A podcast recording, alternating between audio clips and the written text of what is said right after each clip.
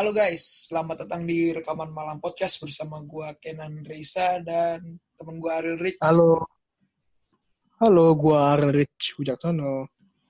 Di episode pertama dari rekaman malam podcast ini sebenarnya kita kurang apa ya?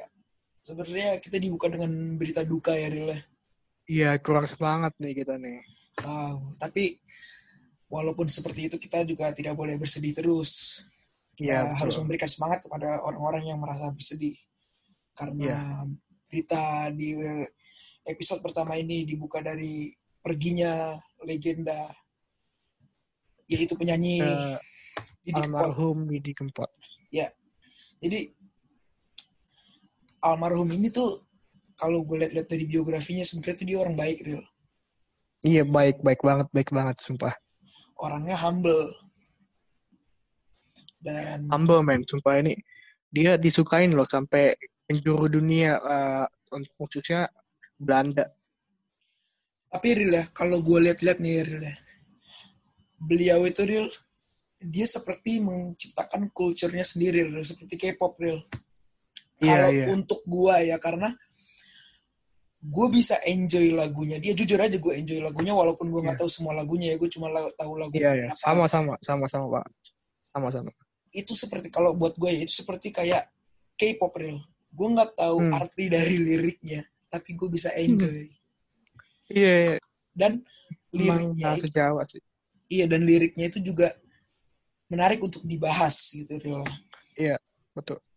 Dan menurut gua eh, almarhum Pak Didi Kempot ini sebagaikan kalau sama Pak Iwan Fals itu Pak Didi Kempot itu seniornya, Pak Iwan Fals itu juniornya. Jadi sama-sama eh, membahas di dalam musiknya itu tentang broken heart atau semacam ya gitulah bukannya tentang cinta-cinta ya. Iya iya. Dan jujur gue tuh pas gue gue udah pernah nonton konsernya sekali waktu itu di festival di awal tahun ya. Dan itu gue salut banget sih karena banyak banget muda-mudi dari kalangan kita ini mungkin yang SMA, kuliah, SMP bahkan ada mungkin yang enjoy gitu sama lagunya. Gue salut banget sih kan jarang-jarang. Mungkin banyak ya tapi jarang yang bisa mendapatkan perhatian muda-mudi sebanyak ini gitu loh. Iya betul betul. Apalagi almarhum Kempot itu bisa dibilang itu udah tua ya. Jadi lagu-lagunya itu kayak semacam gimana ya? Udah kayak lagu-lagu zaman dulu lah gitu ya. Ya dan dia dan yang gue salut adalah almarhum tidak pernah melupakan tanah kelahirannya. Dia tidak pernah dia itu orangnya stay humble, dia tidak pernah sombong. Betul betul. Bahkan yang gue pernah tahu Betul adalah dia itu untuk lagunya itu dia pernah ada orang datang ke dia minta izin nge-cover lagunya. Tapi orang yang mau cover itu dia nggak punya uang. Dan kata almarhum Pak Didi Kempot itu katanya nggak apa-apa cover aja laguku mungkin itu berkah buat kamu uang itu masalah Mantap. belakangan itu gue salut banget sih Iya, itu suatu suatu banget sih. Itu sesuatu kelebihan dari dari beliau sih. Itu gue suka, suka banget ya tipe-tipe kayak orang kayak beliau ini ini. Gue suka nih. Iya, tapi jujur waktu gua dengar beritanya kalau beliau sudah pergi, sudah tidak ada, gue tuh jujur agak sedih sih. Terus sebenarnya gue sedih karena tidak ada berita beliau sakit, tidak ada apa, tiba-tiba Betul. apalagi keadaan di tengah pandemik virus COVID-19 seperti ini kan gimana ya? Untuk pihak keluarganya juga kasihan. Ya jelas kasihan, tapi Iya. ya Apalagi gue, apalagi pas lihat di iklannya, maaf nih, gue sebut brand eh, Shopee misalnya. Iya. Itu kan gue semangat banget sih gue liatnya pas di iklan di YouTube tuh. Shopee, wah. Ada di kempot nih. Ya, almarhum itu adalah se- seseorang yang pribadinya bersemangat, ceria, humble, tidak sombong. Dan, ju- setuju banget sih. Setuju Iya. banget ya. dan juga apalagi Ril, yang bisa kita ambil dari beliau. Kalau dari beliau sih kita ambil kerja kerasnya, men. Kerja kerasnya. Dulu Jaga. Pak Didi itu mengamen di sama teman-temannya di jalanan. untuk memperoleh uang dan bekal hidup gitu loh di trotoar lagi wah namanya kempot band atau ke kependekan dari kelompok penyanyi trotoar waduh ini sih struggle-nya struggle-nya kuat banget ya iya berarti kan bisa diambil dari kehidupan beliau. Mm -mm. ini gue suka sih ya mirip lah kayak nggak kalah lah Justin Bieber. Uh, yang dulu di jalanan beliau juga di jalanan gitu. Mantap sih ini gue suka banget sama beliau. Gue pengen kayak beliau tapi nggak bisa karena nyanyi gue tuh terbatas. Ya tapi apa salah aja untuk dicoba dulu? Iya betul sih pasti kan semua. menurut tapi menurut lu gimana nih Ken? Kita di Indonesia ini 2020 udah kehilangan dua musisi legend yaitu Tom eh, apa uh, siapa? Glenn, Glenn. Uh, Tom Glenn Fredly. Terus yang kedua sekarang Pak Deddy keempat. Waduh. 2020 kenapa ini kan sebenarnya 2020 itu adalah mungkin untuk beberapa orang adalah tahun sial. Iya. Banyak legenda banyak artis-artis influencer seperti pemain basket Kobe Bryant. Dan penyanyi musisi-musisi Indonesia yang sudah pergi. Dan serangan dari pandemi virus corona juga menyusahkan banyak orang menyebabkan kerugian-kerugian. Betul betul. Apalagi awal tahun itu ada isu perang dunia ya. Iya itu tapi semoga aja nggak jadi cuy. semoga aja nggak jadi Mungkin nggak jadi sih. Iya. ini ini berita uh, para pendengar ini kita ke uh, podcast ini uh, menyampaikan berita yang tidak terlalu berat jadi santai aja ya. Di bawah santai saja. Bawa santai, bawa santuy karena kan rekaman malam, malam itu aku santuy lah. Jadi gitu. Ya. Eh tapi selain kita ngobrol tentang berita duka uh, Pak almarhum Didi Kempot ini kita mau bahas apa lagi nih, Ken?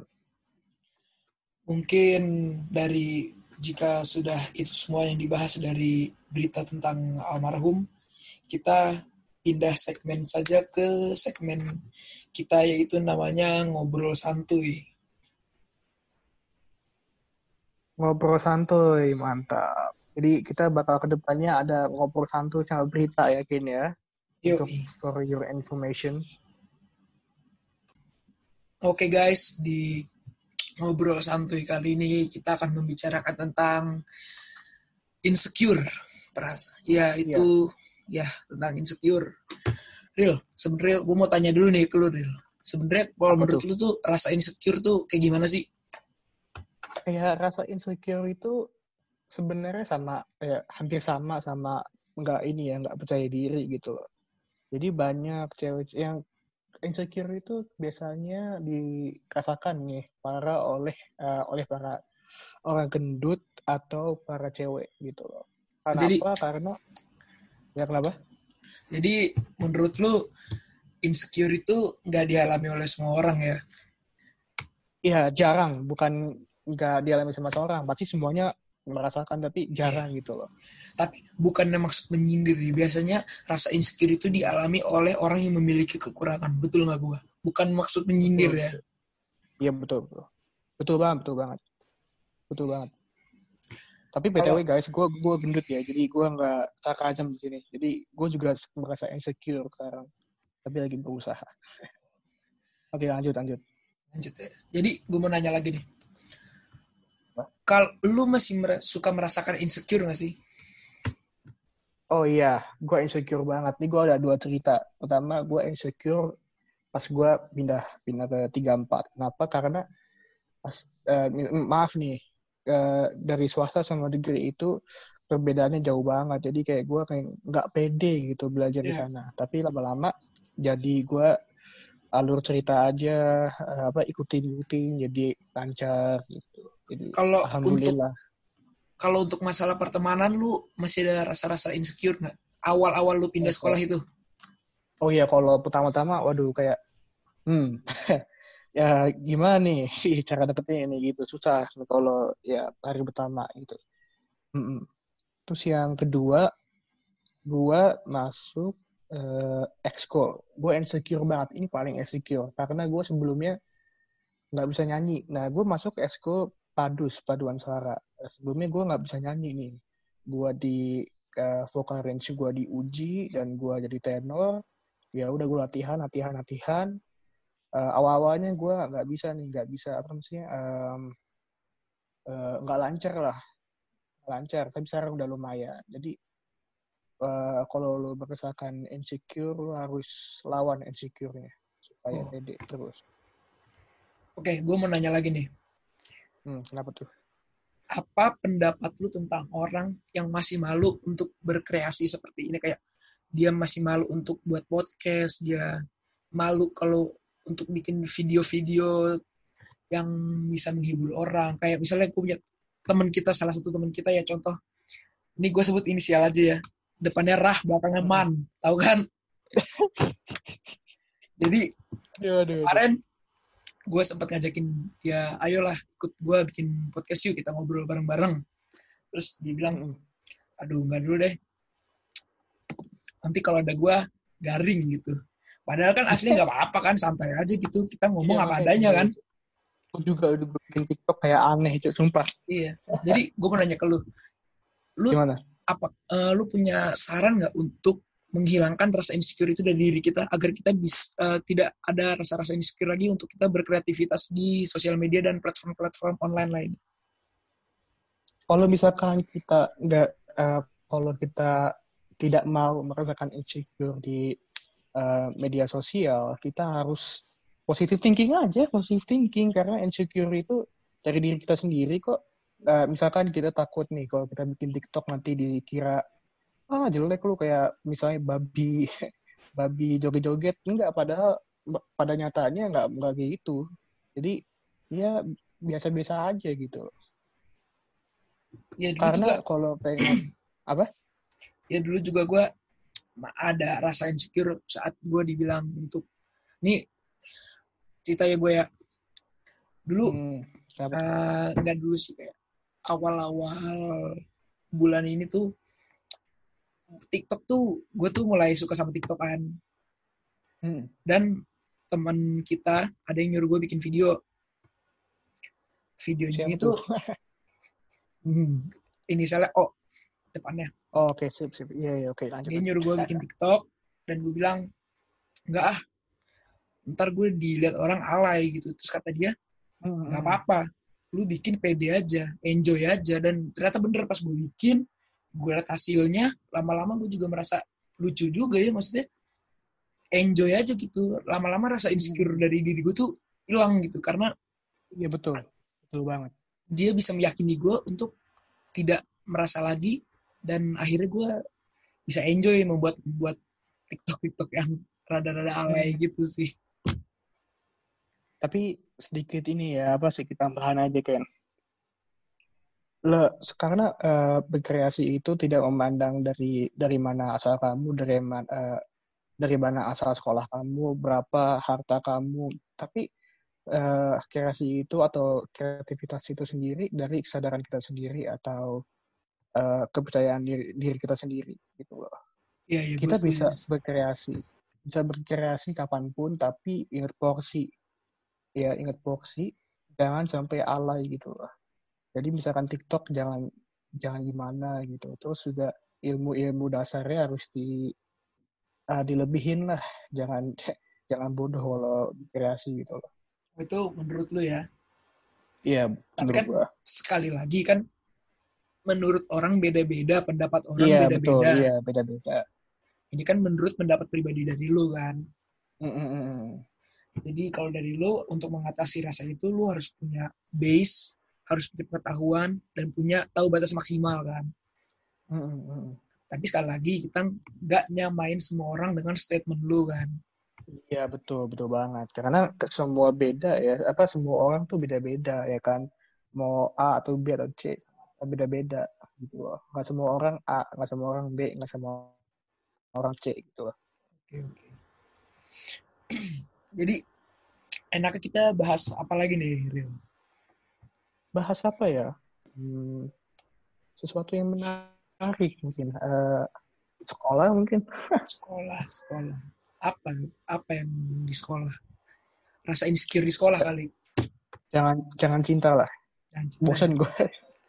Apa tentang cara mengatasi rasa malu, rasa insecure di sekolah kayak tadi lu bilang di awal. Iya, iya itu itu iya. Itu penting sih buat para pendengar sekarang ya, para, para pendengar sini. Mungkin Yang tadi lu udah cerita sekolah. ya. Ini cerita jujur pengalaman gue waktu pertama kali gue pindah dari SMP ke SMA. Gimana tuh? rasainnya? Kan gue dari SD, SMP itu kan gue satu sekolah, jadi gue masih di zona nyaman gue. Mm-mm. Pas sudah masuk SMA ini, gue menantang diri gue untuk keluar dari zona nyaman. Mm-mm. Jujur aja, waktu gue pertama kali masuk BM, eh, eh, lupa sebut nama. Ya, pokoknya itulah. Gue tuh merasa, yang pasti malu ya, karena gue nggak kenal siapa-siapa nih. Gue nggak kenal siapa-siapa. Gue nggak tahu siapa-siapa. Dan cara untuk gue kenal dan tahu itu siapa itu ya dengan kenalan dong jelas. Iya betul betul. Tapi mungkin ini juga dirasakan oleh pendengar kita semuanya. Jangan malu untuk berkenalan ya kalau kata gue. Betul banget, betul banget. Jangan gengsi lah pokoknya. Ya jangan gengsi untuk berkenalan. Pede Iya. aja gitu. Dan jangan pernah pesimis kalau lu bakal dimusuhin gitu. Betul, betul, betul banget. Jadi gue tuh mikir, aduh nanti gue kenalan, ada yang mau ngajak ngobrol gue nggak ya? Kalau gue kenalan nanti gini-gini gini nggak ya? Ternyata Iya. semua pikiran negatif itu salah. Pas gue kenalan, taunya Salah, Bang. Salah banget. orang-orang baru itu baik sama gue, mereka mau temenan sama gue. Dan ya itu, oh, sesuai pengalaman gue ya akhirnya gue bisa membentuk zona nyaman gue yang baru. Mhm. Jadi Iya sih. jadi nggak selamanya kita akan jadi nggak selamanya kita akan ada di zona nyaman yang lama. Lu beraniin diri untuk keluar dari zona nyaman lu.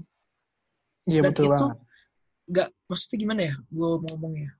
Kalau lu berani keluar dari zona nyaman lu berarti lu berani untuk menyapa dunia luar gitu. Iya, iya. Dan dunia luar itu belum tentu jahat sama lu kecuali kalau lu nya yang. Iya sih emang ya tapi eh, kalau soal kayak gitu ya harus belajar lah lebih ini kan belajar belajar belajar gitu lebih eh, pengetahuan dasarnya harus belajar lagi Iya, iya, gue setuju.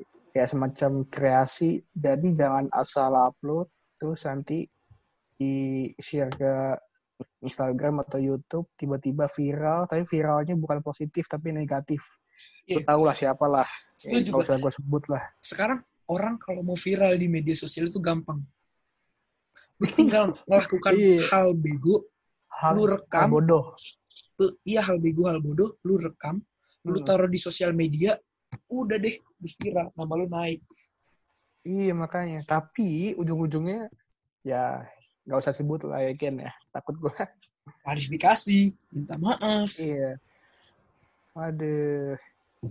Apalagi ya bukan bukan ini doang sih, bukan kontroversial doang, tapi ada sih yang yang bikinnya positif, positif. Tapi jijik dilihatnya. Ada lu tahu lah pasti lah. Berhijab. tahu lah, jangan serempet-serempet lagi. Cukup, cukup. Iya, iya. Jangan serempet-serempet lagi. Cukup.